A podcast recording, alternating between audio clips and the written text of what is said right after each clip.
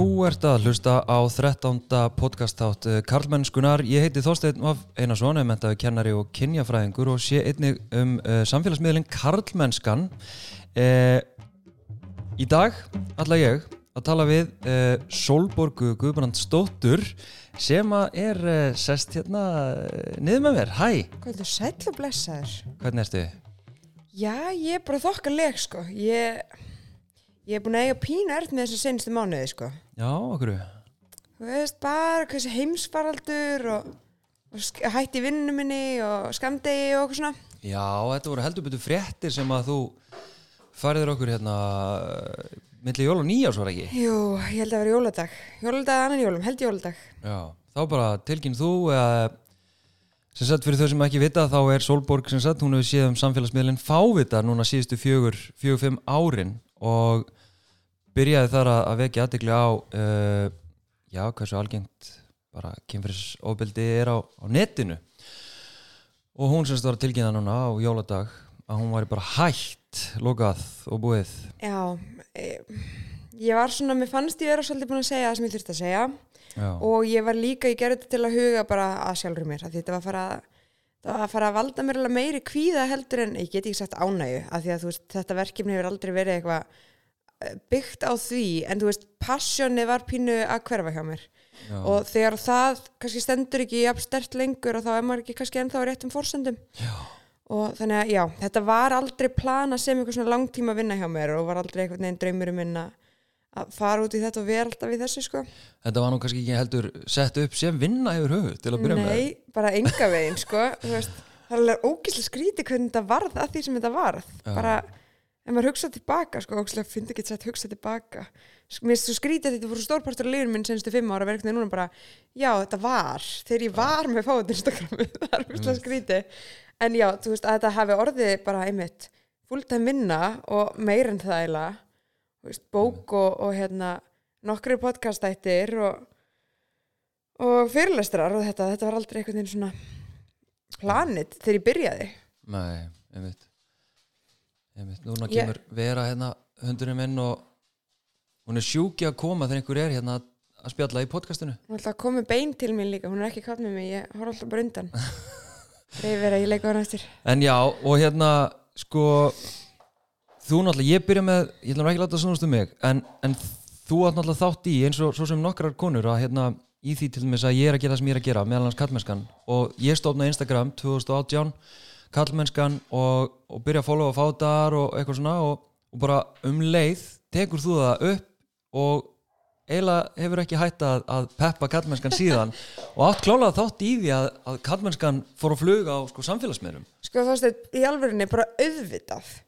Og mér finnst oft sko, mér finnst oft umræðan í kringum þetta pínu verða að segja klikku sko, af því að eins og segir þú sagðir strax um mig, ég ætla ekki að fá að taka neitt hérna að láta það snúast um mig, en þetta er samstagsverkefni þetta er það er engin ein, ein mannska til að veist, sem er bara fara að sjá um þetta allt saman eða, eða þú veist, gera þetta allt saman. Og ég fagna því þegar það séu karlmenn og kannski, þú veist er svo, við erum oft rætt þetta þessu, þú veist, að uh, bara út af forréttindastöðu að karlar eru, hérna, er stundu sagt að býða meðan konur eru að taka slæðin í þessu. Já. en ég held að við þurfum að fá karlmenn með í jafnrættisbaratuna þannig ég fagna því að karlar séu með og mér finnst bara eðlilegt að peppa karlmenn áfram í, í feminisma og ég held að sé sérstaklega mikilvægt að því að ungir strákar um, sem að, þú veist, hafa kannski verið okkar helsta mótspyrna í, í vinnun okkar þeir kannski ég sem feminismi, þeir kannski ná ekki að spekla sig beint í mér endilega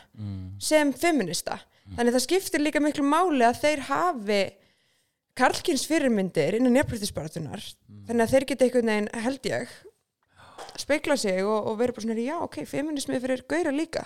Já, já. þannig að hérna já, mér finnst allt í kringum karlmennsku átakið frábært og þú frábær og Takk fyrir, auðvitað.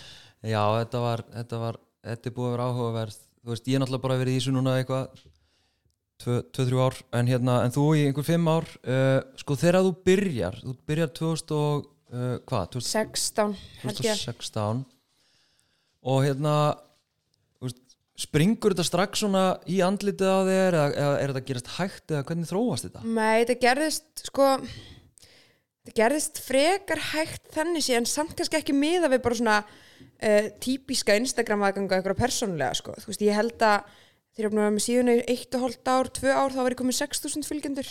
Já, ok. En svo kom þetta bara svona í törnum. Kannski bættust þið nokkur hundur fylgjendur og svo, þú veist, gerist ekkert í smá tíma en, en ég held kannski að það sem hefur dreigið fólk að um, svo seinustu ári hversu virki hefur verið.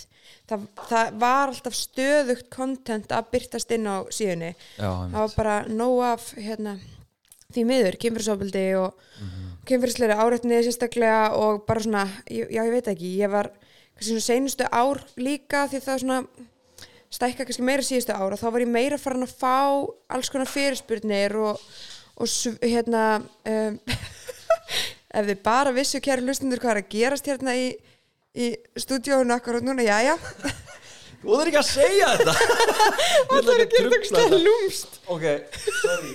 Jesus Christ, hundur Það er hundur og lóðar í hér í stofu? Í meðri, meðri Reykjavík. Eh, við, já, ég man ekkert hvað ég var að segja það stund.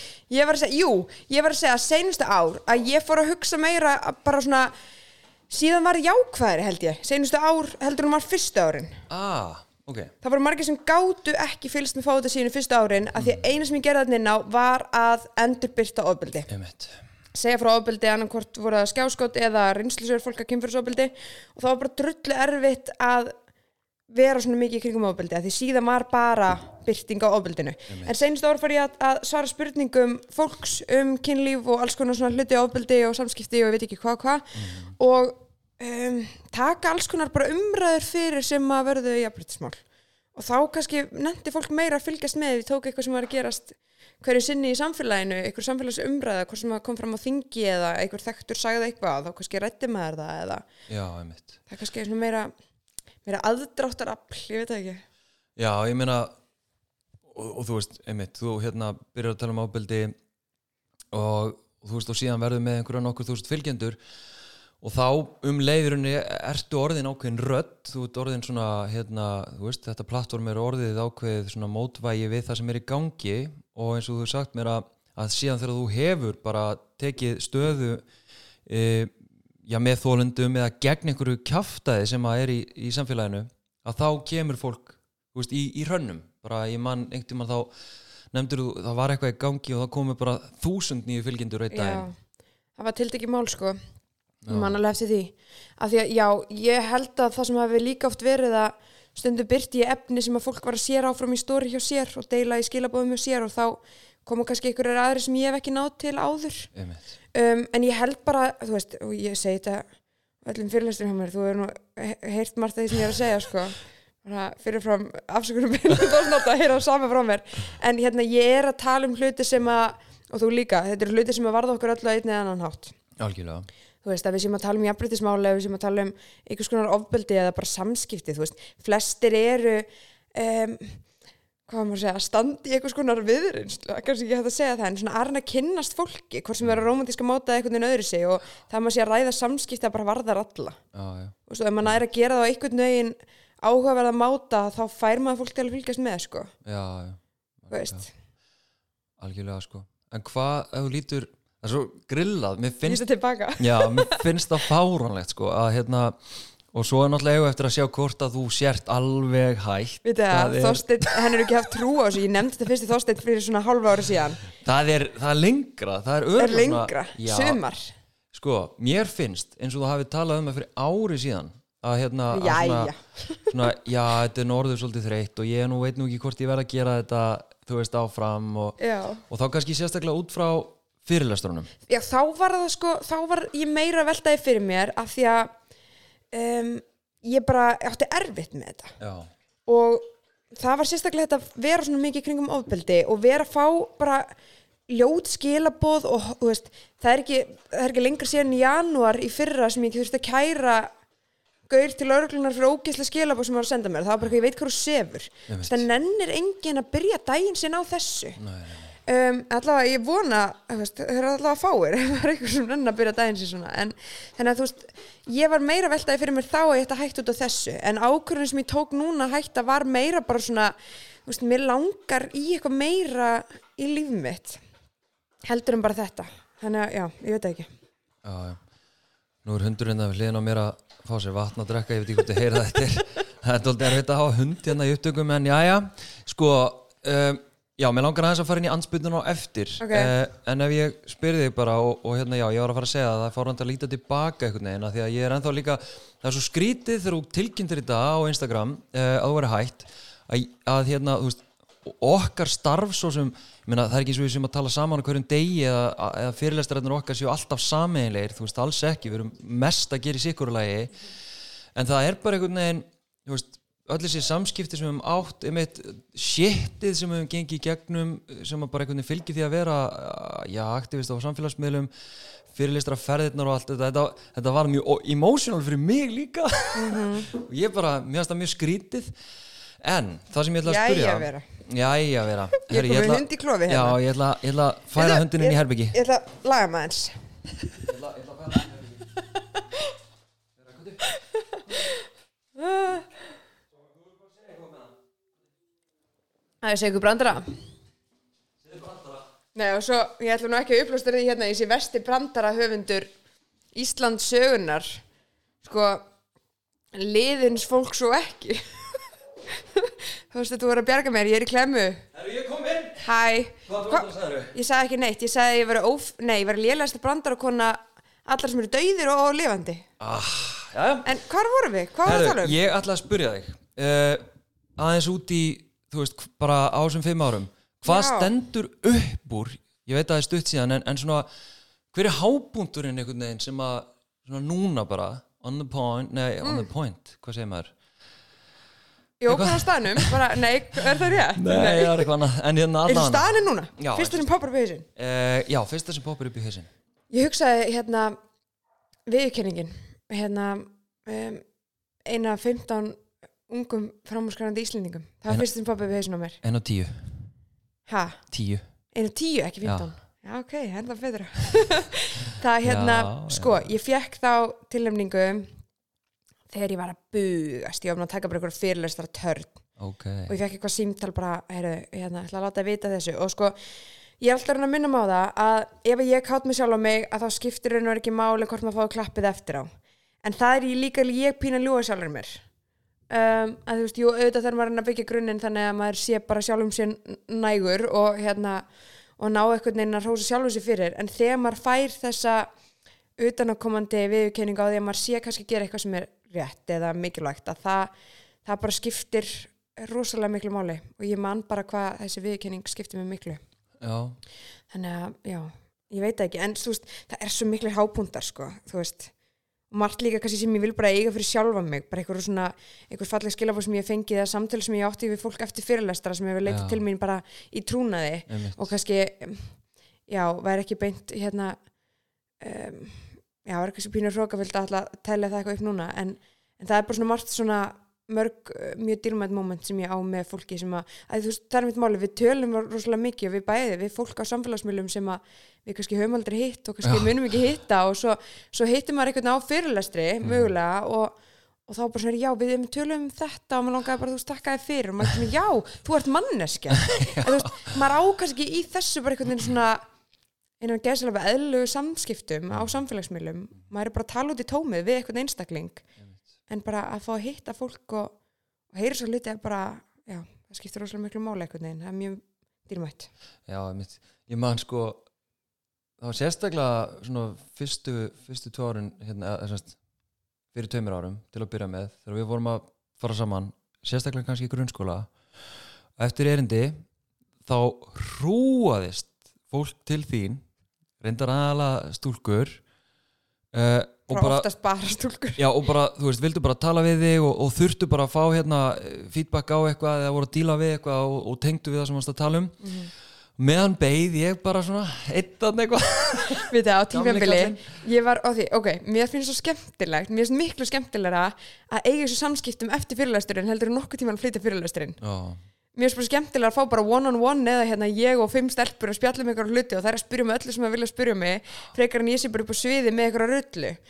Og einmitt einu sinni þá vorum við með fyrirlæstur í félagsmyndstu með þósteinn og eftir fyrirlistur komin okkur stelpur og spjallaði hans við mig. Og mér finnst það svo gaman að ég bara glemdi mig pínu. Og þá stundum var hann að senda mér skilabóð á Facebook bara jæja Sálborg greiðist óbara við hliðin og þar að býða því svo er þetta líka spurningar sem það vilja spyrja mig í trúnaði. Já, og þú veist, það hefur líka oft verið þannig að strákandir koma frekar til þín eftir fyrirlestur og spyrja. Og þannig sjáum við aftur bara mikilvæg sem fólki hafa ykkur fyrirmyndir og strákar kannski treysta frekar öðrum strákum til að tala um þess að hluta stelpur öðrum stelpum að því að einhvern veginn sameilegur sameilegur reynsluheimur að einhverju leiti Já, en það er samt sko oftar stelpur sem hafa komið að tala við Er heldur en strákar af því að það í rauninni, sérstaklega þegar við erum saman að þá hérna bara já, einhvern veginn strákar eiga dóltið finnst mér, það er mín reynsla erfitt með að ræða þessi mál og Já. einhvern veginn svona taka þeir nema þegar þeir eru komnir í framhaldsskóla eða háskóla eða út á vinnustafana þá einhvern veginn verðast þeir vera tilbúinir í þetta en yfirleitt, það er mín reynsla í einhvers konar vörn eða, eða Já. andspyrnu veistu þá stæðið, senstu sko sensta árið ég, hef, ég veit ekki hvort það hafa bara spurst út eða hvort að fólk bara svona ég veit það ekki, ég var farin að fá svo mikið af alls konar spurningum frá aðalega ungum strákum. Ok, um bara einhvers konar kynlífstengda hluti bara, þú veist, þetta er að gerast og þetta er að gerast, getur þú aðstóðað og bara oft bara eitthvað svona mjög fló, og ég var oftast að vísa fólki bara til læknis eða til Já. kynlífsráðgjafa eða eitthvað svo leis, eða sálfræðings eða eitthvað þannig, en bara svona bá hvað það var dýrmætt. Í fyrsta skipti bara eitthvað svona stundum einstaklingar sem ég kannski kannast við ef ég þekkti nöfnin en, en bara oft fólk bara sem að, veist, ég, ég að, þú veist, að ná einhvern veginn að vera komið það plattform að fólk sé bara að opna upp og sín með bara svona mestu, sín mestu feimnismál við mann. Einmitt. Það er svo magna, það er svo góð tilfinning og maður er svona, þá veldur maður í fyrir sér af hverju er ekki eðlilega að fólk sé að tala um þessar hluti. Algjörlega, og þú líka sko mér er svo skemmtilegt að því að ég held að við höfum augrað hvora öðru mjög Já, oft sko. 100%. hérna, þú veist, þín viðþorf er einhvern veginn á mín öðruvísi og, og svo, þú veist, erum við sammála í grunninn en svo eru svona átakapunktar Já, og já, við já. höfum oft rætt ímsa hluti eitt af því er að hérna, hvað ég svona sko var, hef verið varfærin og, og kannski er það líka ennþá ótrúlega varfærin að svona að segja einhverja hluti, að svara einhverju svona ákveðnu sem að er ekki alveg mitt sérsvið Mhm. en þú veist, en kosturinn kannski og það er kannski ástæðan líka að hverju er svona að leita mikið til þín er að þú ert bæði ótrúlega, eða vast, ótrúlega virk á fávittara, bara svara spurningum bara, þú veist, hvað gerir með þetta? Og þú bara, já, bara, þú bara svarar því skilur, eftir bestu þekkingu Já. og ef þú hefur ekki hugmyndum það, þá vísar eitthvað annað uh, þú veist, þannig, að- þannig að þú leiðir þér þetta alveg bara, og svo sagður við mig sko, ég ætla ekki að vera manneskjan sem að ætla bara að neita að svara einhverjum einföldu spurningu sem ég veit bara alveg svarið við veist, þetta er svo rétt, ég menna sumt þessu er alltaf bara, ég get alveg svarað því en Já. og einhvern veginn, já ég er nú ekki kynfræðingur eða, eða en læknir pældi í mentasnoppinu, eru að djóka? Ok, ef ég veit ok, ef ungi krakkar að spyrja mig hvað, hérna, þú veist þarf maður að borga fyrir hérna, þungunarof eða þarf ég að láta einhvern vita þungunarofi, hvar fæ ég smokka? Ef ég ætla að fá, hérna, þú veist og ég veit ekki, þegar fólk er bara eitthvað þarf maður að byggja um leifi ef maður þarf að fara að klósetti í kynlífi, veist, ég veit alveg svari við þessum spurningum, einmitt, akkur á ég að vera bara eitthvað, enn ein manneskjan sem er eitthvað, já ég er nú ekki sérfróð á þessu sviði, bara ungt fólk er bara komið nóg að þessu sko, já, og þú þess vegna bara, virkaði líka bara að fá þetta, ég var bara veist, ég bara, ég hafði ekki tíma til að vera eitthvað bytti, ég ætlaði að fara að rannsaka þetta, ef ég var að fá 15-20 spurningar, Já, já. þá reyndi ég bara. Já, já og ég menna, og, þú veist, og bara ótrúlega velgjert og greinilega eitthvað sem að fólki þistir í því að var bara því að bókin er samantekt á þessum svörum mitt sem að sem er 11. mest selda bókin árið 2020 hversu er læ, sturla? er ekki lægi með fólk að ha? en veistu, ég held mér þess að sko hún getur aðeins ofalega af því að veist, ég seldi svolítið í gegnum Karlínafend líka já, í forpöndunni, þannig að það seldist meira heldur en er í þessum lista og þannig er inn í þessum lista er ekki held ég Eymundsson.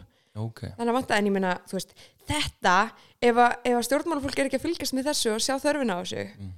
veist, ég gerir ráð fyrir að þessu að fylgjast með sko. en já, þú veist, ég líka hef aldrei gefið mig út, kannski fínt að taka fram fyrir að vera sérfræðingur Nei, í þessu. Og þú veist, þegar ég byrjaði með fáðar þá ætla ég bara að tala um kynfyrirsofbildi mm. en ok, ef við ætlum að reyna svolítið að skilja það og hvar fyrir úrskeiðis, við ætlum bara að vita um það ok, það eru sumir gerendur sem eru með einbyttan brotavilja og eru bara að beita ofbeldi viljandi, en við vitum að líka að ungt fólk er ofta verða gerendur bókstala án þess að átta sig á því já, já, kannski bara því að þeir eru búin að horfa svo mikið klám og sjá eitthvað þar og það er eitthvað, heyrðu, já þetta og að vera svona og gera þetta og það er enginn sem tala saman og enginn sem er eitthvað, heyrðu, er þetta í lægi, hvað vilt þú? einmitt. og fólk er heldur ekki að finna út á sjálfum sér hvað það fílar og hvað það vill gera og okkur svona því að bara gera ráð fyrir, ég á bara spila þetta hlutverk Já, já. um, og þá fer maður svolítið bara í grunninn ok, ef við förum bara algjörlega í bara, þú veist, grunninn í kynfræslinu Mhm.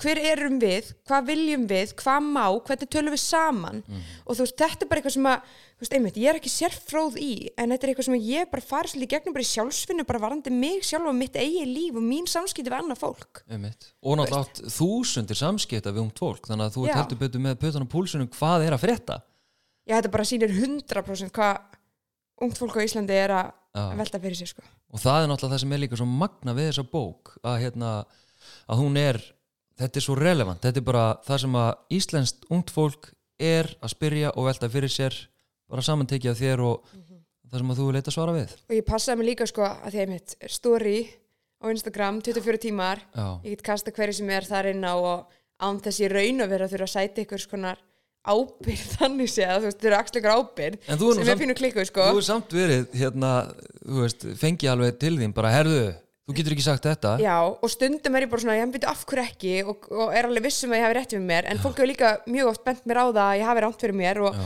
útskýrt af hverju og þá hefur ég leiðrið sjálf á mig í stóri Já, já, já. Uh, en það sem ég passaði mig í bókinni var að veist, það er kvennsjúkdómalæknir sem að lasi yfir mörg uh, svarna það eru þrýr kinnfræðingar sem að lasi yfir og eina af þeim er kynlífsrákjafi og uh, veist, lögfræðingur lasi yfir og hérna, nú er ég að gleyma einhverjum um, fleiri aðalar sem að lási yfir í bókinu minn þannig ég passaði þetta, þú veist, að þetta var ekki með, þessi bók er ekki bara eitthvað byggð og mér finnst. Nei, nei, kannski einhver svarna þannig þegar ég sérstaklega spurði mitt persónulega mat en annars er þetta bara já, já.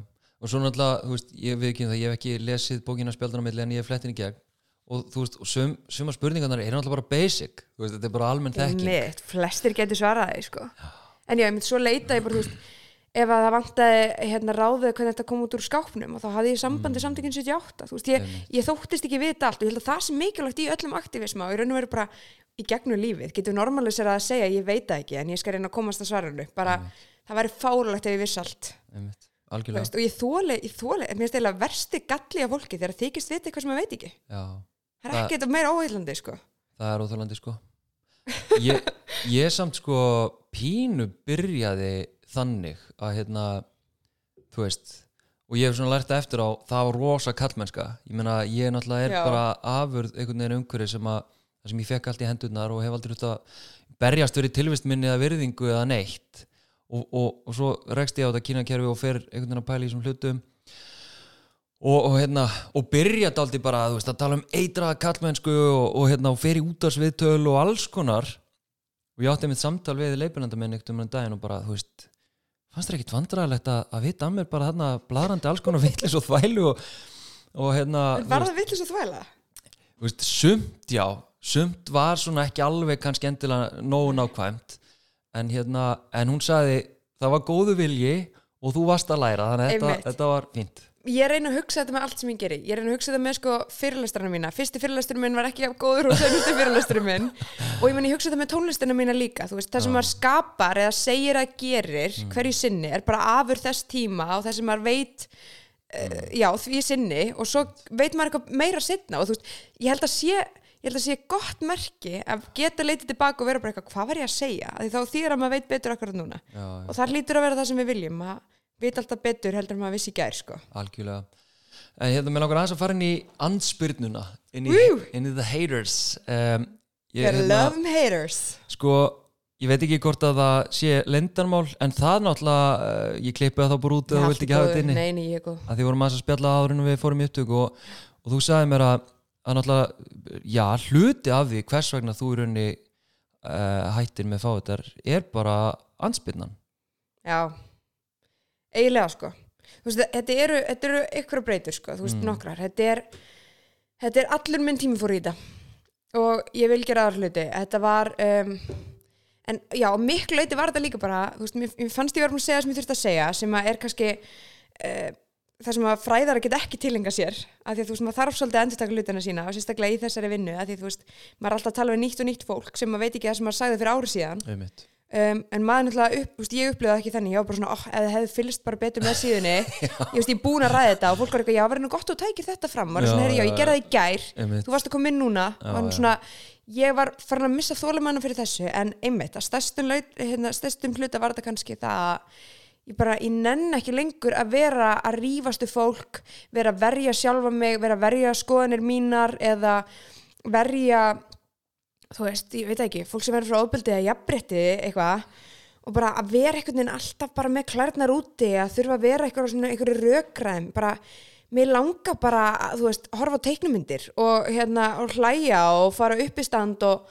og leikhús og, og semja tónlist og Já. bara, mér vantar pínum meiri sólskinn inn í líf mitt, sko, ég var um pínum bara svona, ég var átti, átti orðið erfitt með að einhvern veginn finna eitthvað svona, eitthvað jafnvægi í þessu, sko. Já. það fara valda mér alveg meiri kvíði heldur en eftir ánæg sem prófislega skrítið að segja en já, Já, ég meina þetta var að fara að taka meira af þér og, og, og gefa, bara á, já. á geðheilsunniðinni.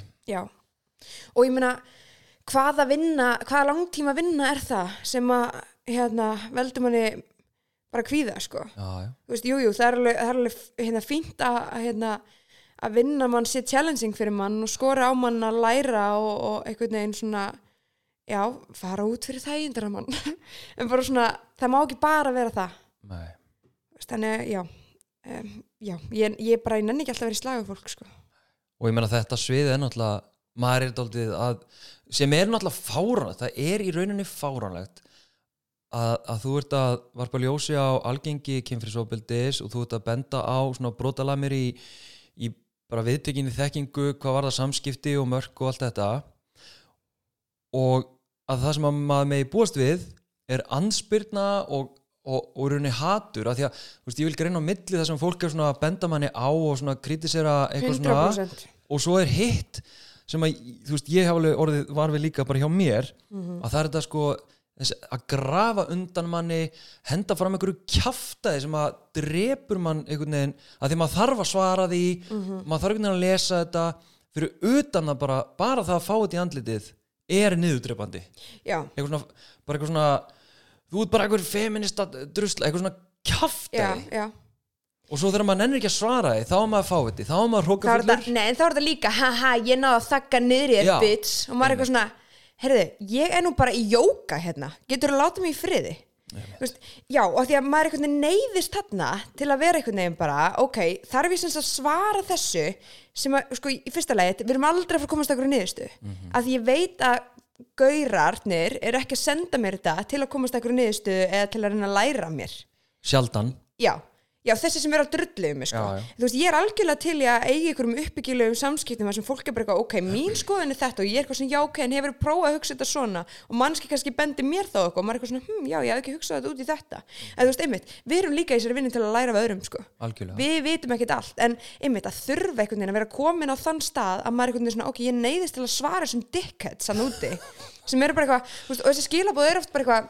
eitthvað og eitthvað nei, alvörinu, við fáum alveg margt líkt sko, strullaðurinn í eldúsmaður þú veist, og maður er eitthvað svona þú veist, ég nenn ekki þegar ég fæ svona skilabóð að vera bara eitthvað blokka eða, eða bara láta þess að þetta sé ekki til stað að þetta er vandamáli, þetta er það sem við erum að berja skegg, það er að fólk sé einhvern veginn, heyru, ok, ræðum hérna ræðum ofbeldi. Og þegar við stígum fram og ætlum að ræða ofbeldi þá erum við beitt ofbeldi. Algjörlega.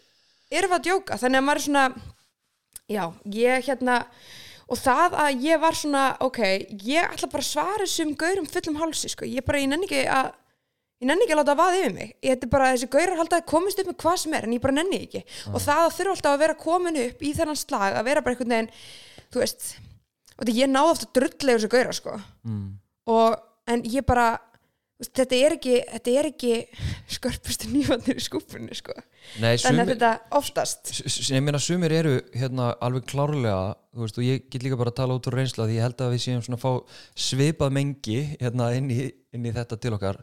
Uh, sumir koma bara uh, engungu til þess að grafa undan reyna að þakka niður í okkur reyna veginn sveia umræðina þú veist, bara anspyrna, bara pjúra anspyrna.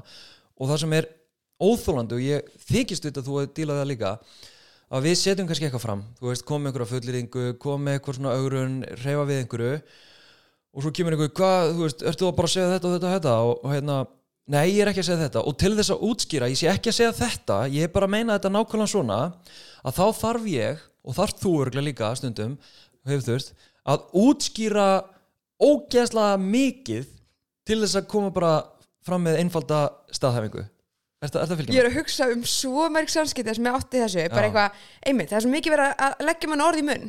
Og maður er eitthvað veginn svona, ok, hérna, ok, karlmenn þurfa eitthvað, maður er eitthvað svona í þessu og þá er þetta eitthvað, býtir þetta að segja allir karlmenn, bara, ef ég verið að segja allir karlmenn, þá hefði ég bara sagt allir karlmenn.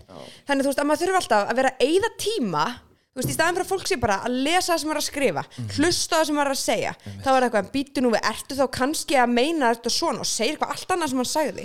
Og þetta er einhver þetta er eitthvað, eitthvað að fara úskeiðis í leskilningi í grunnskólakerfinu, að því mér er svo sorglegt þú veist, þetta er ofta svo ungir strákar.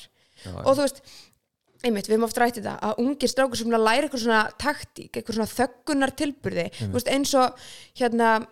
veist, ég verið að tala um eitthvað í story, bara tala um fyrirlæstarna mína og þá sendur eitthvað gaur á mig, ég var alveg til að stinga tippinu mínu inn í þig.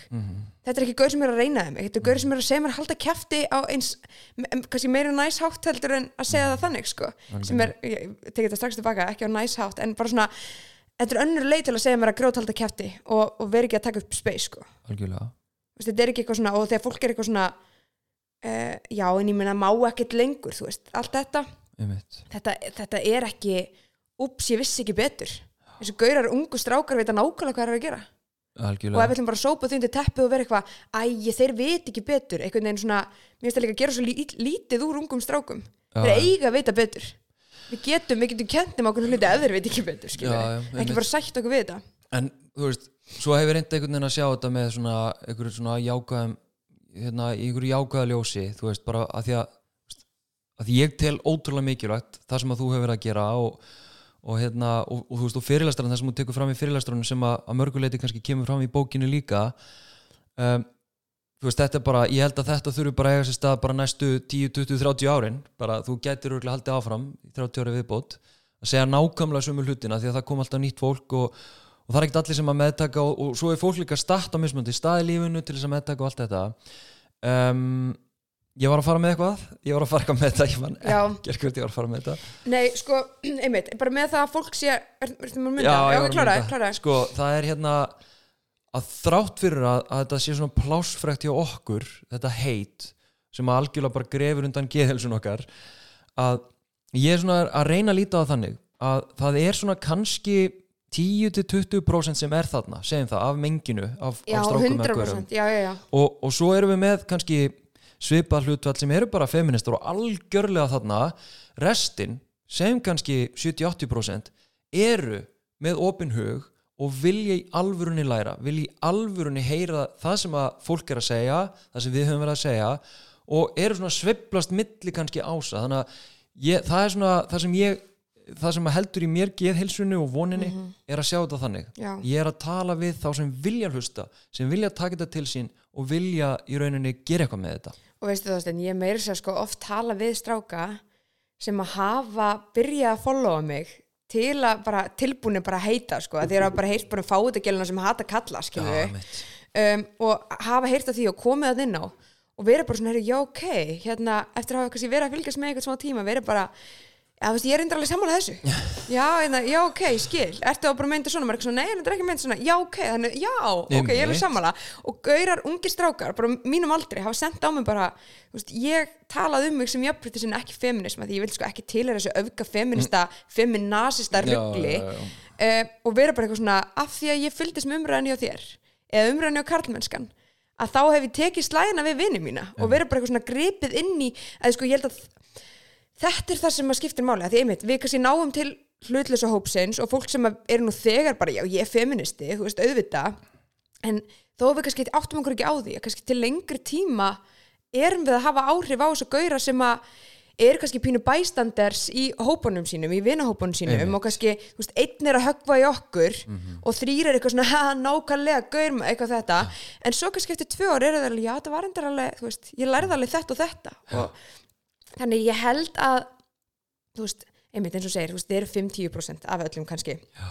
og þetta er það sem að kannski svona situr hvað fastast í manni Já. á erfiðan máta. Algjörlega, en maður gleymið, þetta er minni minni hluti. Algjörlega. Og þú veist, það er margt frábært og æðislegt sem er að gerast þarna úti. Og maður þarf ekki svolítið svolítið að reyna að minna sig á það. Maður verður bara svo reyður út í hitt. Algjörlega, og maður er líka illa fyrir kallaðastundum ég veit það, ég veit það. En svo er það samt svo magna sko stundum er maður illa fyrir hvað það er, illa fyrir kallaður Já. og svo mæti maður fyrirlestur og maður er eitthvað svona, oh, bara power through, klárum þetta í gegnum þetta og svo eftir fyrirlestur nefnum maður bara svona og þetta var fallegt Einmitt. að það er oft svo geggju samtöl og spurningar og, já, og, og það er náttúrulega, það er ólýsanlega þú veist, þó við sem að tala svona persónulega um kannski okkur sem aktivista þarna bak við tjöldin að það er ólýsanlega nærandi að fá einmitt svona skilabóð bara herðu, ég hérna var þarna á mótið þér og fannst á algjör fóti eða eitthvað, svo er ég bara búin að hlusta á þú veist, bara vel gert, ég er bara dálítið samanlega einmitt. Veist, það er Já. ólýsanlega gefandi sko. en mér finnst líka svo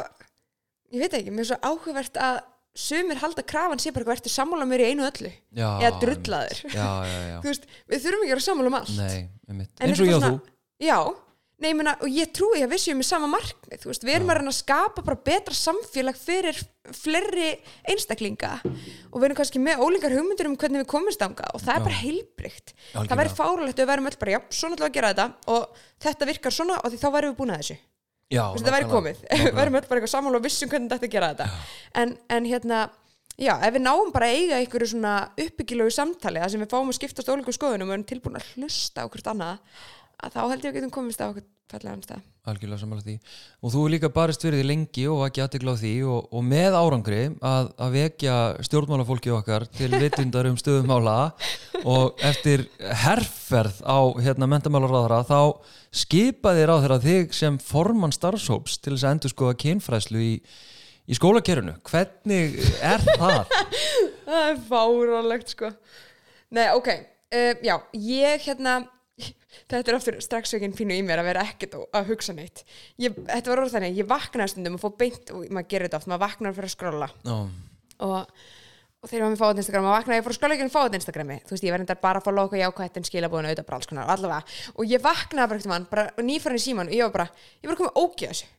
Við getum við bara, þú veist, að því að ok, ég er búin að segja það sem ég þarf að segja, næst er bara kerfisbreytingar. Ó, við þurfum bara að tryggja inn í aðlámskrá og við þurfum að, að hérna, bæta alls konar í, í hérna, ferlinu, kæruferlinu lauruglunar og alls konar svona, en allavega ég var bara, ok, nú þurfum við kærusbreytingu þannig að ég var bara eitthvað herru, prófið bara að senda e-mail hérna á mentamálaráðara og bara byggja meiri kynfræslu fólk fór bara að gera það. Ég held hún hafi fengið allavega marga tugi tölupósta ég he- held fleiri sko. Og ég er búin að vera pínu óþólandi já, ég get ímynda með það. þú veist, ég greið stjórnmálafólki að þurfa örgulega að díla við erfiðara fólk heldur en mig. Ég get alveg trúið Já, þú lést fólk spamma inboxið. veistu hún bóðaði fund með mér Já, eftir ég held ég hafi bara svolítið drekt hérna uh, e-mailinnar sko, já, já. í þessu. Og þú veist, og það er kannski bara það sem þarf, þetta er aktivismin Já, Þetta þú er náttúrulega svona- með 30.000 fylgjendur. Já, Þú veist þannig að slagkrafturinn í því þegar þú tekur eitthvað undir þína arma já. er náttúrulega gigantískur já, og veistu sko, eftir hann fund var síðan ekkert, gerðist í tvo mánuði. Nei, nei, og þá postaði ég aftur og fá þetta bara, jæja Lilja. Eigum við að fara að gera eitthvað hérna? Og einmitt, það var styrkurinn í þessu að byrta þetta fyrir fram að 30.000 mann sko, sem að fólk hefur ekki almennt. Nei, uh, og þá var ég búið sem formar innan hóp og ég hef nú sætt, eh, kannski ekki ég persónulega en hópurinn hefur sætt ágættri gaggrinni Já, ég svo sem alveg hef útskýrt mitt sjónum í því en, en hérna, einmitt. En, en hvernig er að vera formaður í þessu? já, ég er ekki, vinnan er ekki byrjuð. Ok, um, þar sem ég er núna að fara að gera er að ég er að fara að heyra í manneskjun innan mentamálaráðanætisinn sem að er að vinna með hópnum eða verður að vinna með hópnum, ég eftir að heyra í henni og ég eftir að bóða fund með hópnum.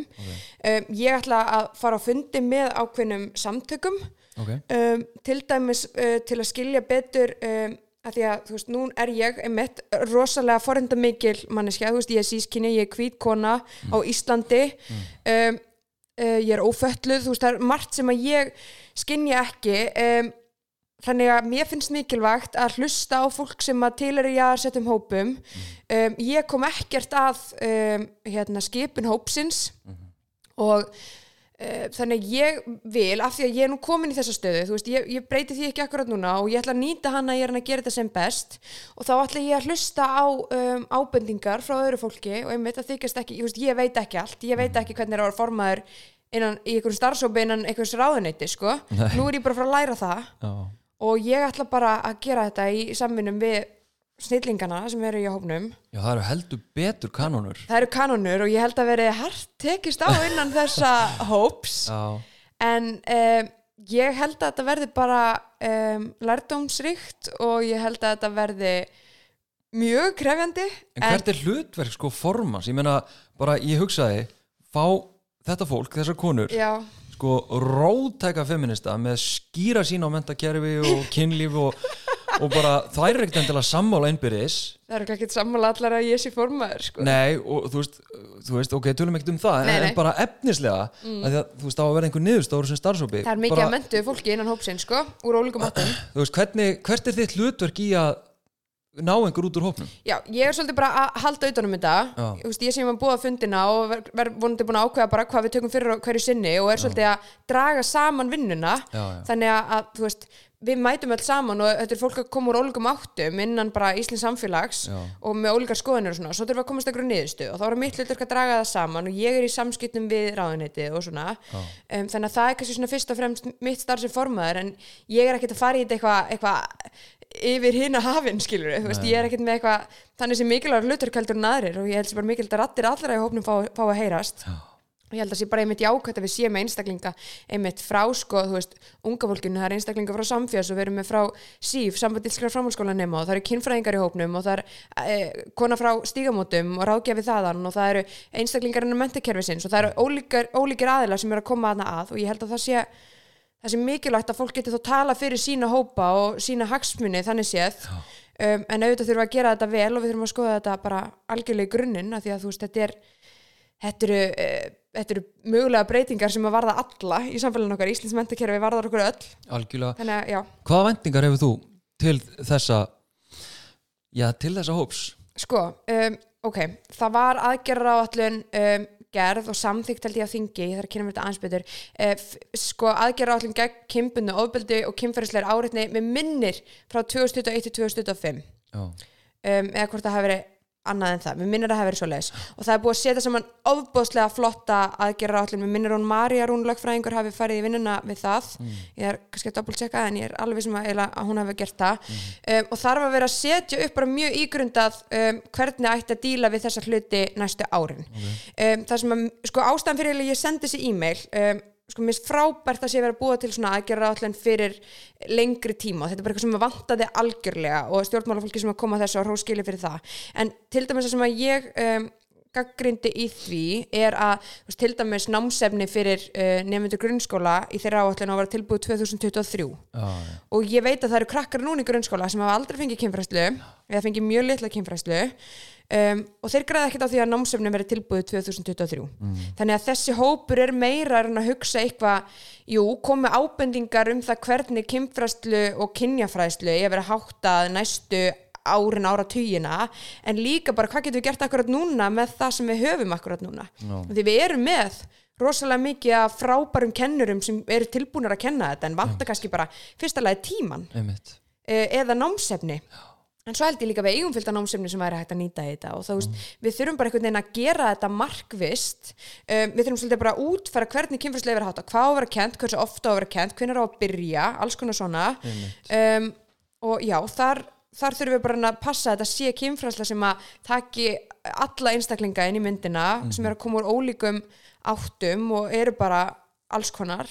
Um, passa að enginn gleymist en líka að tryggja það að, að nefndum í íslensku skólakerfi sé ekki mismuna út frá því sko hvar þau búa á landinu eða, þú veist, varstu veikur hennan dag sem að kynfræslan var kend eða, þú veist, ertu, ertu með kennara sem er ósammála jafnbryttis umræðinni þú veist, það getur bara það getur bara enda þannig, eins og við tök kannski vitum, en hérna þannig, já, það þarf að passa þetta, þetta sé við sem að tryggja þetta kerfisbundi jafnt fyrir öll börn, Já, ok, ra, uh, hérna já, ræða búin. já, líka bara innihaldi vandara, ég meina við höfum svo oft heyrt hvernig var kynfræslan ykkar? Já, já, það var hérna einhver hérna ótrúlega vandræðilegur einstaklingur sem var eitthvað með banan á smokk og, og, og það var það sem að krakkandi myndu eftir eitthvað svona vandræðileg sena þannig að vandalega skiptið ykkur eitthvað að efnis tökum Sko- líka eða hvað? ef að kynfræslan er bara byggð á okkur hræðslu áráðuri þá getur allt einn sleppt þessu. Já, og ef að kynfræslan gerir ekki ráð fyrir að fólk stundar alls konar kynlíf eða stundar ekki kynlíf þá getur allt einn sleppt þessu. Ef við gerum ekki ráð fyrir að fólk glaðist að alls konar fólki í staðan fyrir að sé bara við erum bara að kenna hérna veist, eh, kynlíf, gagkynja kynlíf að þá Já. getur við allt einn sleppt þessu. Veist, við þurfum að gera ráð fyrir fjölbreytileika við þurfum að gera þetta án þess að sko, ég hef ákveðna skoðanir á kynlífi. Um, kynfræðslan samt sem áður og ég er ekki inn innan hóp og segja mér finnst þetta um kynlíf. Nei. mér finnst svona kynlíf viðeigandi og svona kynlíf ekki viðeigandi þetta kynlíf er best. Þetta má ekki vera svona, við þurfum bara að fara inn í þetta. Veist, ég hef oft fengið spurningar sem að um, það sem fólk er að spyrja mig um eitthvað sem ég er bara eitthvað svona ew, í alvöru.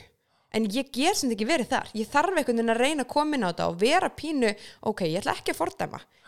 Veist, að við erum bara alls konar við verðum að, að tala um þetta þannig sko. algjörlega. Já, en hérna hvað með ef ég fer aðeins inn í fávitur aftur en við fyrir nú að, að hérna, ljúka þessu. Mhm. ég, ég vil ekki sleppa þar alveg strax.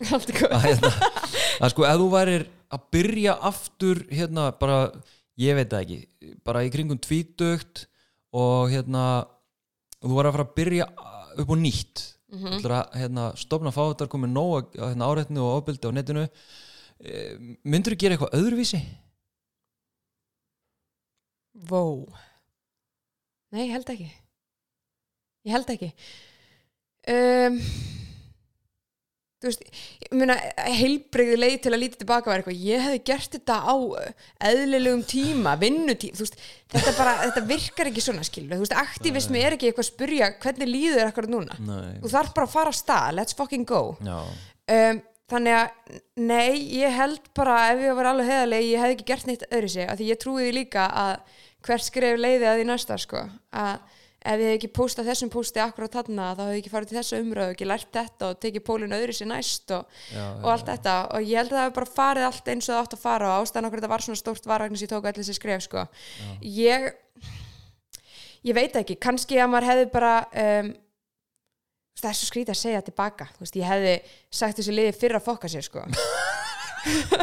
En, en ég var bara ekki komin á þann stað og ég þurfti þetta ferli og, og ég er ekki að segja að maður þú veist, komist að einhverju, að einhverju ná einhverju velgengum með að segja allum að fokka sér. En hérna ég var kannski meira svona í setni tíð í þessu verkefni farin að vera bara meira bara, nei ég veit alveg um hvað ég er að tala. Kannski bara treysta í fyrra að ég vissi alveg um hvað ég var að tala þótt ég var ekki komið með gráðið sérstaklega sko. um, en líka bara að vera opin fyrir því að, að læra og bara um, opin fyrir því að, að hérna ég veit ekki, að segja bara þú veist, í dag veit ég að bara ég get sagt bara, að já, ok, herri, þetta var ekki alveg rétt hjá mér. Um, Já. ég ætla að fá að leiðrita þetta. Já, já, þú veist, að því að fólk, fólk fyrirgefum henni það alveg. Já, já. að hérna maður vissi ekki betur eða þú veist, hjælt eitthvað og svo lærið maður eitthvað nýtt. Að það er líka bara, já ok, þessum þú veist, mér finnst það nett um annað fólk þegar fólk er bara herri, ég ætlaði bara að fá leiðrita hérna. Það sem ég sagði var ekki alveg 100% rétt eða, eða ég ætla að fá að bæta þessu við. Mér finnst það fallegt í fari annara og ég veist, þannig að ekki vera kannski hrætt við að hérna, ég fann að Sara sem þú tala um eitthvað annan heldur en mig en bara svona að vera ekki, vera ekki hrættur við að viðkenna mistök Já, er einhver mistök sem að svona sitja í þér bara, ó, þetta var ekki gott sem ég gerði þarna Sko, já, ég er alveg að hugsa um ákveðna hluti sem eru kannski pínu kontroversial umræðefni, sko. Ég eh, hef tekið umræður inn á sem að ég hef ekki kynnt mér nógu vel. Um, Þetta nefna dæmi um, uh, þetta bara nú svo erfitt. Ok, ég ætla bara að segja, ég þarf að kynna mér um, sex work Mm. betur um, áður en ég get farið að þú veist, ég var koma ákveðina skoðun ákveðina sín sem aðileg sem hefur ekki verið í kynlýsinu Já, um, eða vændi, hvernig sem fólk vil kalla að, veist, þá þarf ég að skilja miklu meira í öllu saman áður en ég get farið að að- já, fullir að þeim ýmsar hluti sko. ok. Og kannski sömulega sem klám, þú veist, ég hef tekið alls konar umræður sem að ég þarf að svona, já uh, ég veit ekki, þetta eru bara svo stór málefni að maður getur ekki verið bara eitthvað, þetta er svona. Nei, nei, nei. Heimurinn er ekki svartur og hvítur sko. Maður þarf að taka alls konar inn í myndina. Og ég um, ég veit ekki, já, ég ætla bara þarf að kynna mig meira um það. Þannig að kannski svona ákveðin umræðefni sem ég hefði kannski ekki átt að vaða út í að því einmitt þannig krafist það kannski meiri þekkingar án þess að þurfa endilega að vera háskóla gráð sko, en bara meiri þekkingu. Já, já. að stundum, stundum á maður alveg sita á sig sko. Veist, það, að, það að vilja kasta allir út er ekkit alltaf það besta sko, stundum á maður alveg hugsa og pæla. Já, en á saman tíma er það náttúrulega líka beauty við þinn aktivisma er að, að, veist, mér fannst ég alveg sjá ok, þannig er Solborg þannig er Solborg greið og hún er að, hún er að akta á kraumandi tilfinningar. Já. ég sko hugsa um eitt dæmi núna sem bara tengist segja mér. það, það. Það er þegar við vorum saman bókuð í eitt skóla. Og hérna, og við vorum bara bókuð og þetta var bara að fara að gerast og hérna, svo allt í nú fæ ég símtal bara, já, nei, við hérna ætlum að hætta við þetta. Uh, ég eitthvað, já, nú, já, við veitum okkur það? Og hérna, já, það kom hérna upp frá fóreldrum að uh, eitthvað, Solborg, þú ekki heldur? Jú, Já, ok, ok, svo ok. endaði þetta á því og ég eitthvað, já, herðu, ok, þá bara hérna, eitthvað svona, hættu við þetta. Já, en við viljum samt fá þig og ég eitthvað svona um, já um, eitthvað svona var svona að melda þetta já, ok, ok. Og þú veist, meina, við höfum áður lent í þessu og það sem við bara svöruðum því, þú veist, við bara sögðum herðu, þetta er bara ekki rétt og hérna við nálgumst þetta svona og, og veist, og bara við erum að, þetta er, þetta er ekki drugg sem við erum að gera hérna. Mhm. en hérna, en þarna var var ég, leti vita, það var enginn sem leti vita. Ég þurfti bara að Nei, hengi þig og já. herðu, Solborg uh, já, sendum við talskilabóð held ég. Já það, Já, og þú bara what? svo bara kom þrýr postar á næstu tveim, þreim dögum bara það er þvílíka fyrir tímum. Já, bara bombur og hérna, ég man reyndar ekki hvað það var en ég bara, oh shit, ég vona hún hati mig samt ekki. Nei, aldrei. Nei, þetta er gallin Ok, ég var ég var að segja okkur þetta var eða? Já, fyrir mig það. Ok um, ég já, svörin sem ég fekk, ég fekk náttúrulega ekki mjög ítali svör en, en Nei, ég, Nei útskýr, viltu segja hva, hvað svörin sem þú fjöst? sko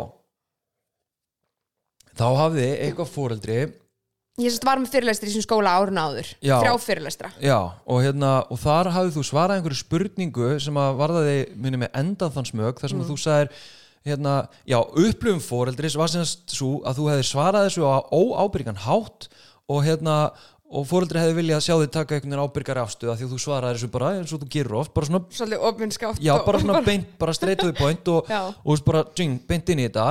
Uh, og, og fóreldri einhvern veginn misböð og vildi ekki sjá þig inn í skólan Já, einmitt. Já, þannig að sko, mín túlkun var pínu bara að hérna, og ég er nú ekki með 100% hérna, sönnun á þessu, á þessu en mín upplifun á þessu er bara ok, þú veist sko ég ætla að fæ alls konar spurningar. Ég man ekki nákvæmlega hvernig þessi spurning um þá enda þannig smög var að þetta var fyrir, þú veist, einu og hálfu ári síðan eða eitthvað uh, og ég man ekki nákvæmlega hvernig ég svaraði þessu en ég veit aftur á móti að, einmitt, eins og þú segir, ég svara bara beint út. Ef að ég er með fyrirlestur og sko, krakkandir spyrja mig um, við náttúrulega fáum ólíkar spurningar í lok fyrirlesturs þegar við saman og þegar ég er ein. Þegar ég er ein þá enda ég þú veist, fyrirlestra fyrirlesturinn minn endar pín á því ég tek saman alls konar punta um kynlíf sem er bara svona, þú veist, þú þarft ekki að prófa eitthvað sem þú vilt ekki um, kunnar réttur aldur til að byrja á fyrir bara, þú veist, finna út hvað þú vilt gera og alls konar svona. Og spurningar sem ég fæ í kjölfari er oft bara kynlífstengdar. Og þá hef ég bara reynt að svara þeim. Og stundu fæ ég spurningar um endatharsmög og uh, ég veit ekki hvað fóreldrar vilja ég segi. Ég veit, ég, sko, vilja fóreldrar að ég sé bara eitthvað, nei ég er nú reyndar ekki sérfræði mentuð í endatharsmögum þannig að ég ætla ekki að ræða þetta, eða vilja fóreldrar að ég segi endatharsmögur og ofbeldi. Mm. Vist, er, það, er það á ég að segja endatharsmögum unni líklega að skemma þig rassin Vist, ég er ekki að fara þann pól. Þú veist, ég og við erum, þú veist, ok, ég veit að innan til dæmis starfsóknusins munum við þurfa að díla svolítið við þetta að ég, sko, ok ef að úlingar er að spyrja um þessu fyrirbræði ég er ekki endaþarmsfræðarinn miklu þú veist, ég er ekki að fara inn í skólan og því að sko, einmitt fréttablaðið MBL eitthvað skrifaði um þetta þessa, þessa fæslu mína í framhaldinu og talaði um að ég væri að fara þá í grunnskóla í því skyni að fræðum endaþarsmög já, já, og maður er bara svona, heyrðu, erum við að djóka? Þú veist, fyrirlastöðu mín snúast ekki um endaþarsmög takk fyrir pent, en ef ég fæ spurningu um endaþarsmög eða annars konar kynlíf að að spurði eitthvað annan. Já, já. Krakkanir eru með þessu spurningu að fyrra bara ég er ekki búa til þessar hugmyndir hjá þeim að því einmitt, fyrirlastunum mínu snúast ekki um að ég sé eitthvað ræðum að þess enda þar smög en ef þeir komið til lok fyrirlastusins að fyrra bræði þá finnst mér ábyrgt að svara þeim. Og ég tala um þetta þannig bara ok þú veist, veltu í fyrir, vilt þú gera þetta um, ert að fara varlega, þú veist, þessi hluti skipta máli og einmitt kynnsjúkdóma hætta og þú veist, sörgir allar í rassinu, notaði varnir, notaði sleipiefni, gera þetta bara þú vilt gera þetta er sem er annað kynlíf, ég er ekki að fara þarna og vera bara eitthvað, mér finnst að þú eigi nú ekki stunda kynlíf af því að, þú veist, já. ég er ekki, það er ekki mitt hlutverk að vera einhvern veginn, mér finnst að þú eigir. Ég bara hef ekkert um annað fólk, nei, hérna, kynlíf annars fólks að segja. Þannig að, hérna, já, og ef að foreldrar eru ósattur með að ég sé að svara spurningu barnana þeirra, mér finnst það svo mikið svona, þau eru svona strá ykkur svona fairy dust á börnin sín, bara börnin mín er ekkert að pæla í þessu og Solborg er bara að koma hérna og tala um enda þess mjög við þau, þau eru nú ekkert nógu gömul til að vera að læra um þetta, þú veist, meðalaldur ungra stráku til að horfa að kláma á Íslandi er 11 ára Örgulega yngra núna í dag sko. Já, pottitt. Þannig að, og, og, það, eftir að segja mér að þau séu ekki búin að vita að þetta sé í bóði innan gæsalappa, skilur við. Þau vita af þessu. Ég er ekki að koma að segja mér hvað fyrsta skipti, sko. Nei. Þannig að þetta er, þetta er eitthvað svona pínu afneitun finnst mér fullorins fólks á því hvað úlingar eru að velta fyrir sér og á hvað þeir, þeir eru að horfa og tala um sín á milli, sko. Já, já, einmitt Þannig að, já, þetta var svolítið svolítið áhugavert. En einmitt, ég nýtti þetta þá steitt bara í að þarna var aktivismin, hérna ég fór bara í pínuslag þannig í kjálfari. Já, einmitt, og einmitt, beautyið og, og einmitt það sem þú talar um að væri svona hluti líka af því sem að hafa, hafa hérna, já, sem að þú skilgrinni sem einhvers konar mistök, það sem þú fer svona inn í tilfinningun inn í, inn í einhver umræðu Já, og þú hefði kannski viljað halda hans í þér en, en svo móti þá er margt sem að í rauninni, en, en það ég menna þú veist, þetta pólitíska er persónulegt eins og hefur hérna komið Já. fram í fræðunum að, að auðvitað er maður líka nálgast umræðana bara, þú veist, af passion og, og tilfinningum og tilfinningar eru mikilvægar í, í þessu, þú veist, maður fer ekki tilfinningalauð inn í inn í svona málefni, inn í aktivism það er bara ekki hægt, sko. Ég rætti það í podcastinu mínu við hérna steinunni frá stígamótum. Já, bara þú veist, hvernig líður ykkur á stígamótum að vera að fá svona mikið, þú veist, af ofbeldissögum til ykkar og vera svona mikið innan einhvern veginn eins og ofbeldis heims og þú veist, ég spurði bara, verði ekki, verði ekki reið? Og hún sagði, auðvitað verður verið reið og þú veist, ef, að, ef maður væri ekki reiður við að fá að heyra þessu óréttlæti og þessu ofbeldi þá ætti maður bara að gera eitthvað annað.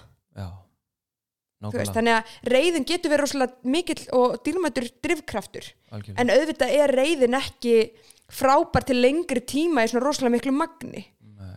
finnst svo erfitt að vera rosalega lengi reyð veist, ég væri til að geta bara orðið pínu reyð nýtti í eitthvað flottan aktivisma og dusta þessu að mér og fari bara að púsla. Já, veist, já, en þetta, þetta er ekki alveg þannig. Maður er svolítið fastur inn í þessu. Já, en auðvitað náttúrulega, þú veist ég náttúrulega umgengsti og ég sé alveg þú veist, hérna, þú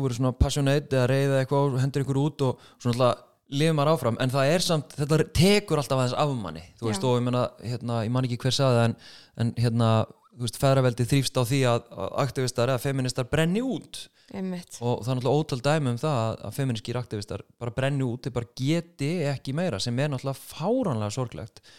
Og, og líka náttúrulega öruglega hlutaði er að, að fólk hefur ekkit þú veist, fólk hefur almennt bara verið að gera þetta eh, meðfram sinni vinnu og fjölskyldulífi og, og ekki verið mitt að halda fyrirlestra eða fá nokkuð greitt fyrir það sem það er að gera. En, en Ég- þrátt fyrir það þá brennur fólk út sko, ég hef aldrei tolla svona lengi í þessu að hef ekki fengið greitt fyrir fyrirlestra. Um mitt og líka, ég hef heldur ekki tolla svona lengi í þessu ef ég og þú hefum ekki verið að vinna saman af því það Ah. var einhver svona þú veist, það að standa tvö saman eftir fyrirlestur og svara spurningum úlinga Mhm. um þessa hluti við gátum gripið hvort annað. Um mitt, og þú veist, þú svarar einhverju, ég kannski bætt einhverju við eða ég vissi ekki hvað, þú kofra eða öfugt. Og það er einhvern veginn svona já, maður, maður, það er meiri vernd í því að hafa einhvern með sér.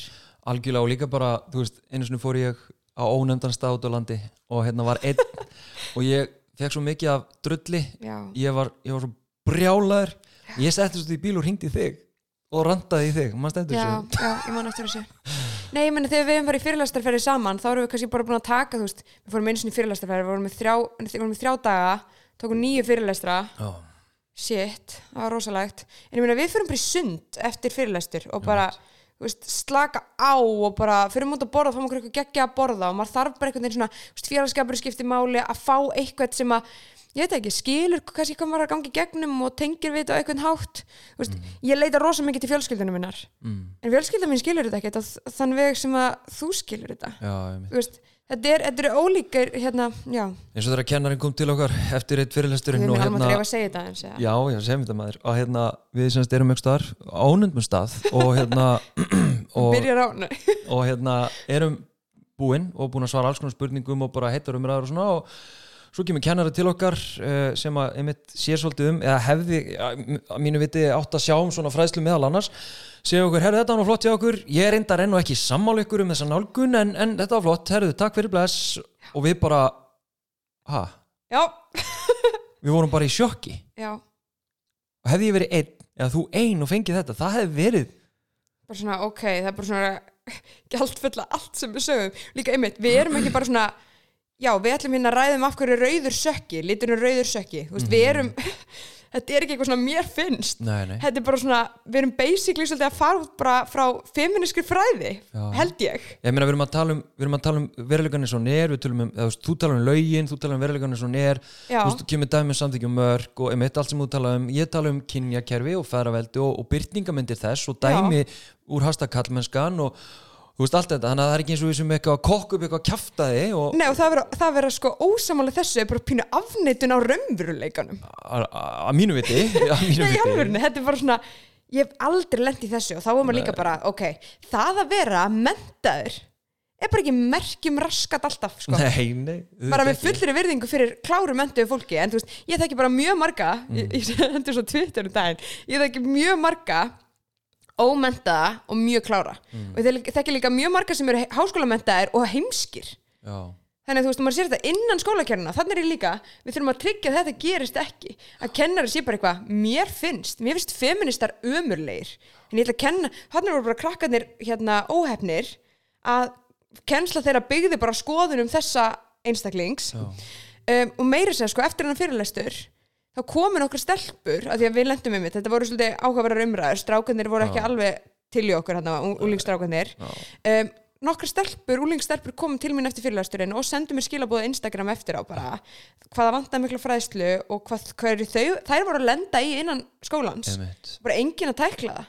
Við þurfum að að- koma í veg fyrir þetta. Nákvæmlega, ég meina, við sjáum bara einmitt, með því að afneita já, reynslu heimi og, og, hérna, og því bara að við erum ekki full frjálsir einstaklingar bara óháð öllum valdatengslum, þú veist, það eru valdatengsl og það er kynjakerfi og það er þú veist, kynjunin er að stýra okkur og og, verður bara nepp, þannig að við þurfum að horfast í augu við það en, en hérna, það þarf að menta mentar. Hann já, veist, en þetta er líka dæmi um hvernig svona persónuleg viðþorf uh, þú veist, trompar stundum mentun og, og, hérna, og kannski viðtakna þekkingu veist, mm ég meina, ég hef alveg átti rökraðum við, við kennara upp í háskóla veist, sem að kennir ekki reyndar kynjafræði eða, mannfræði en svona annars fag og, og hann var bara brjálaður út í mig fyrir að tala um það sem ég er að tala um sko, þannig að, en þannig var líka bara ok fólk er með óhrind mjöl í pókahörninu ég sé þetta ekki öðru sig já, ég sé þetta ekki öðru sig, fólk upplifur okkur sem árás. Já. ok, af hverju farið í svona mikla vörn? Lítið í fucking speil nefnir í.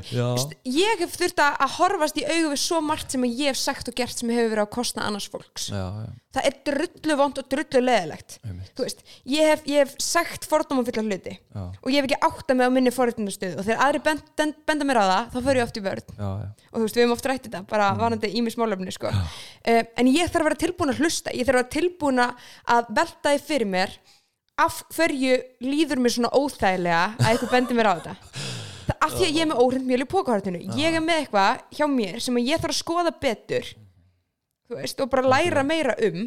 Og, og það er ekki veikleikamerki. Við erum bara hlustum á annað fólk í alvörunni. En það er alveg einmitt. Og hérna, veist, stundum stundum fæ maður líka gaggrinni sem er bara óvægin og Já, ósangjönd, en, en stundum fæ, þú veist, einmitt, það hefur líka alveg verið komið að mér og ég er svona, ah, fuck, já. Og einmitt farið í vörn og svona en síðan eftir á kannski sé það já, hörðu, ég Já. þarf að taka þetta til greina Er einmitt stundu þarf maður að fær gaggrinni og maður hugsaður eitthvað eitt og einmitt líður kannski ykkur svo þarf maður kannski smá tíma til að sko melta hjá sjálfum sér eða Einmitt. tala um það við aðra aktivista eða fjölskylduna sína eða eitthvað. Þá kannski kemst maður grunni ég ok, kannski ég er ekki sammálaði þessari gaggrinni sem ég var að fá eða kannski ef maður bara, heyrðu, jú, þetta er alveg rétt hjá þér. Einmitt, en maður þarf stundum pínu tíma til að proses- eh, prosessera bara það sem maður var í gangi sko. algjörlega. En ef við fyrir að ljúka þessu tölum að þessu framtíðina, Solborg hérna, Framtíðin er Sko- sko, óskrifa blað. En sko ég er bara forvitin, þetta risastóra plattform sem fávitar eru, 32.000 rúmlega fylgjendur uh, hefur eitthvað hugsað að gefa það áfram? Já, ég varði miklum tíma ég veltaði fyrir mér. Já, en það sem að um, trompaði allt og, og var hérna, ástæðan fyrir ég tók þessa ákvörðun að gefa það ekki áfram til annars fólks var að ég hef í gegnum tíðina lofað um, uh, hérna trúnaði inn á, inn á fátum í engaskilabóðum og, og bara spurningabóksi manni, fólk hefur sendt mér bara sín dýpstu leyndamál og erfiðustu lífsreynslur og, og það. að ég ætli bara að fara að taka ykkur ákvörðun á eigin spýtur og vera bara eitthvað, herðu, nonni hérna vilt þú koma að taka við fáut Instagraminu og tala um þetta? Þú veist, halda frá umræðinni væri pínu bara ég að senda fokkjúmerki á fólk sem hefur treyst mig fyrir alls konar hlutum. Já. þannig eins mikið og ég verði til að- henda um, þessu plattformi áfram til eitthvað sem að geti nýtta vel að þá verð ég bara virða þennan trúna við fólk sem að ég hef lofað sko. Og ég hef líka hugsað sko ég meina þú veist að gefa einhverjum um, veist, samtökum sem að er að vinna innan kynfyrsbrotamála eða eitthvað svoleiðis þetta plattform en ég meina þá hef ég líka hugsað ég meina þú veist fólk var að fylgja fáutum út frá konstitinu sem það var og Já.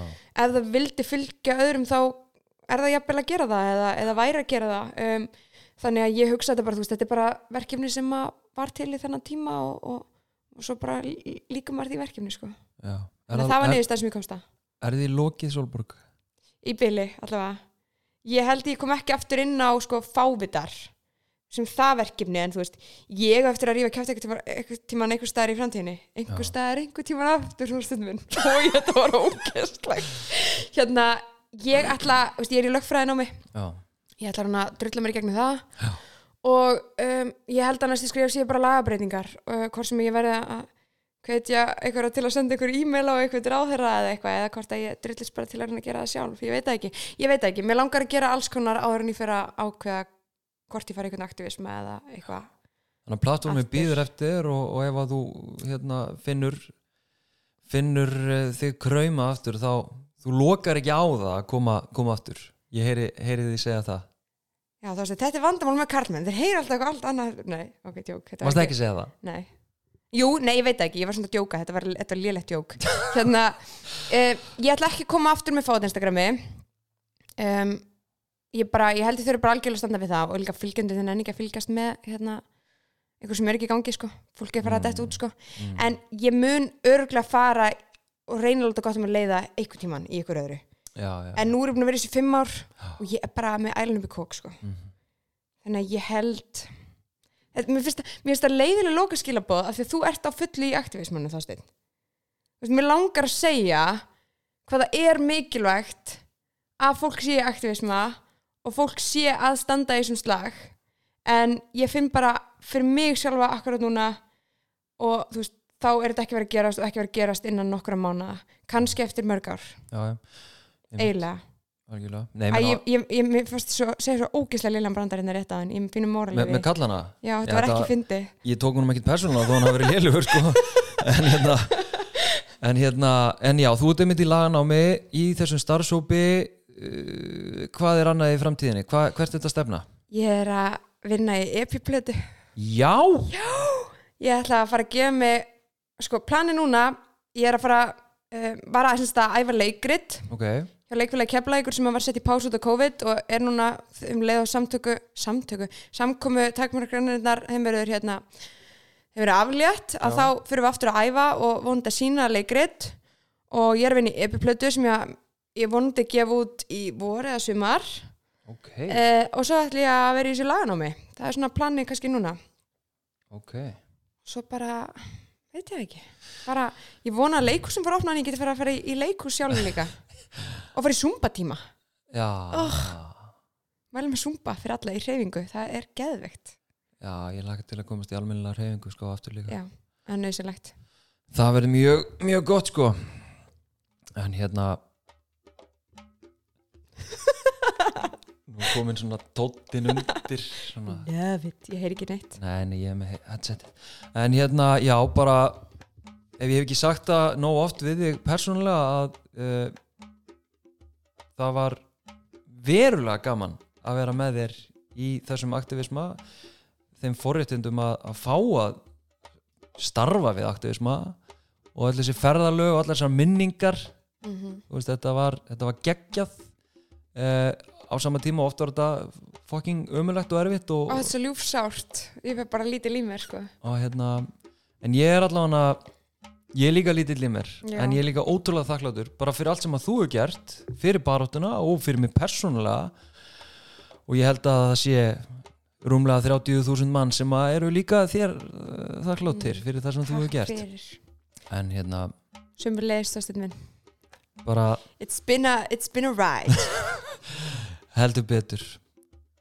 Ef ekki að segja þetta gott? Já, ég held að Takk fyrir þig. Takk sem við leiðis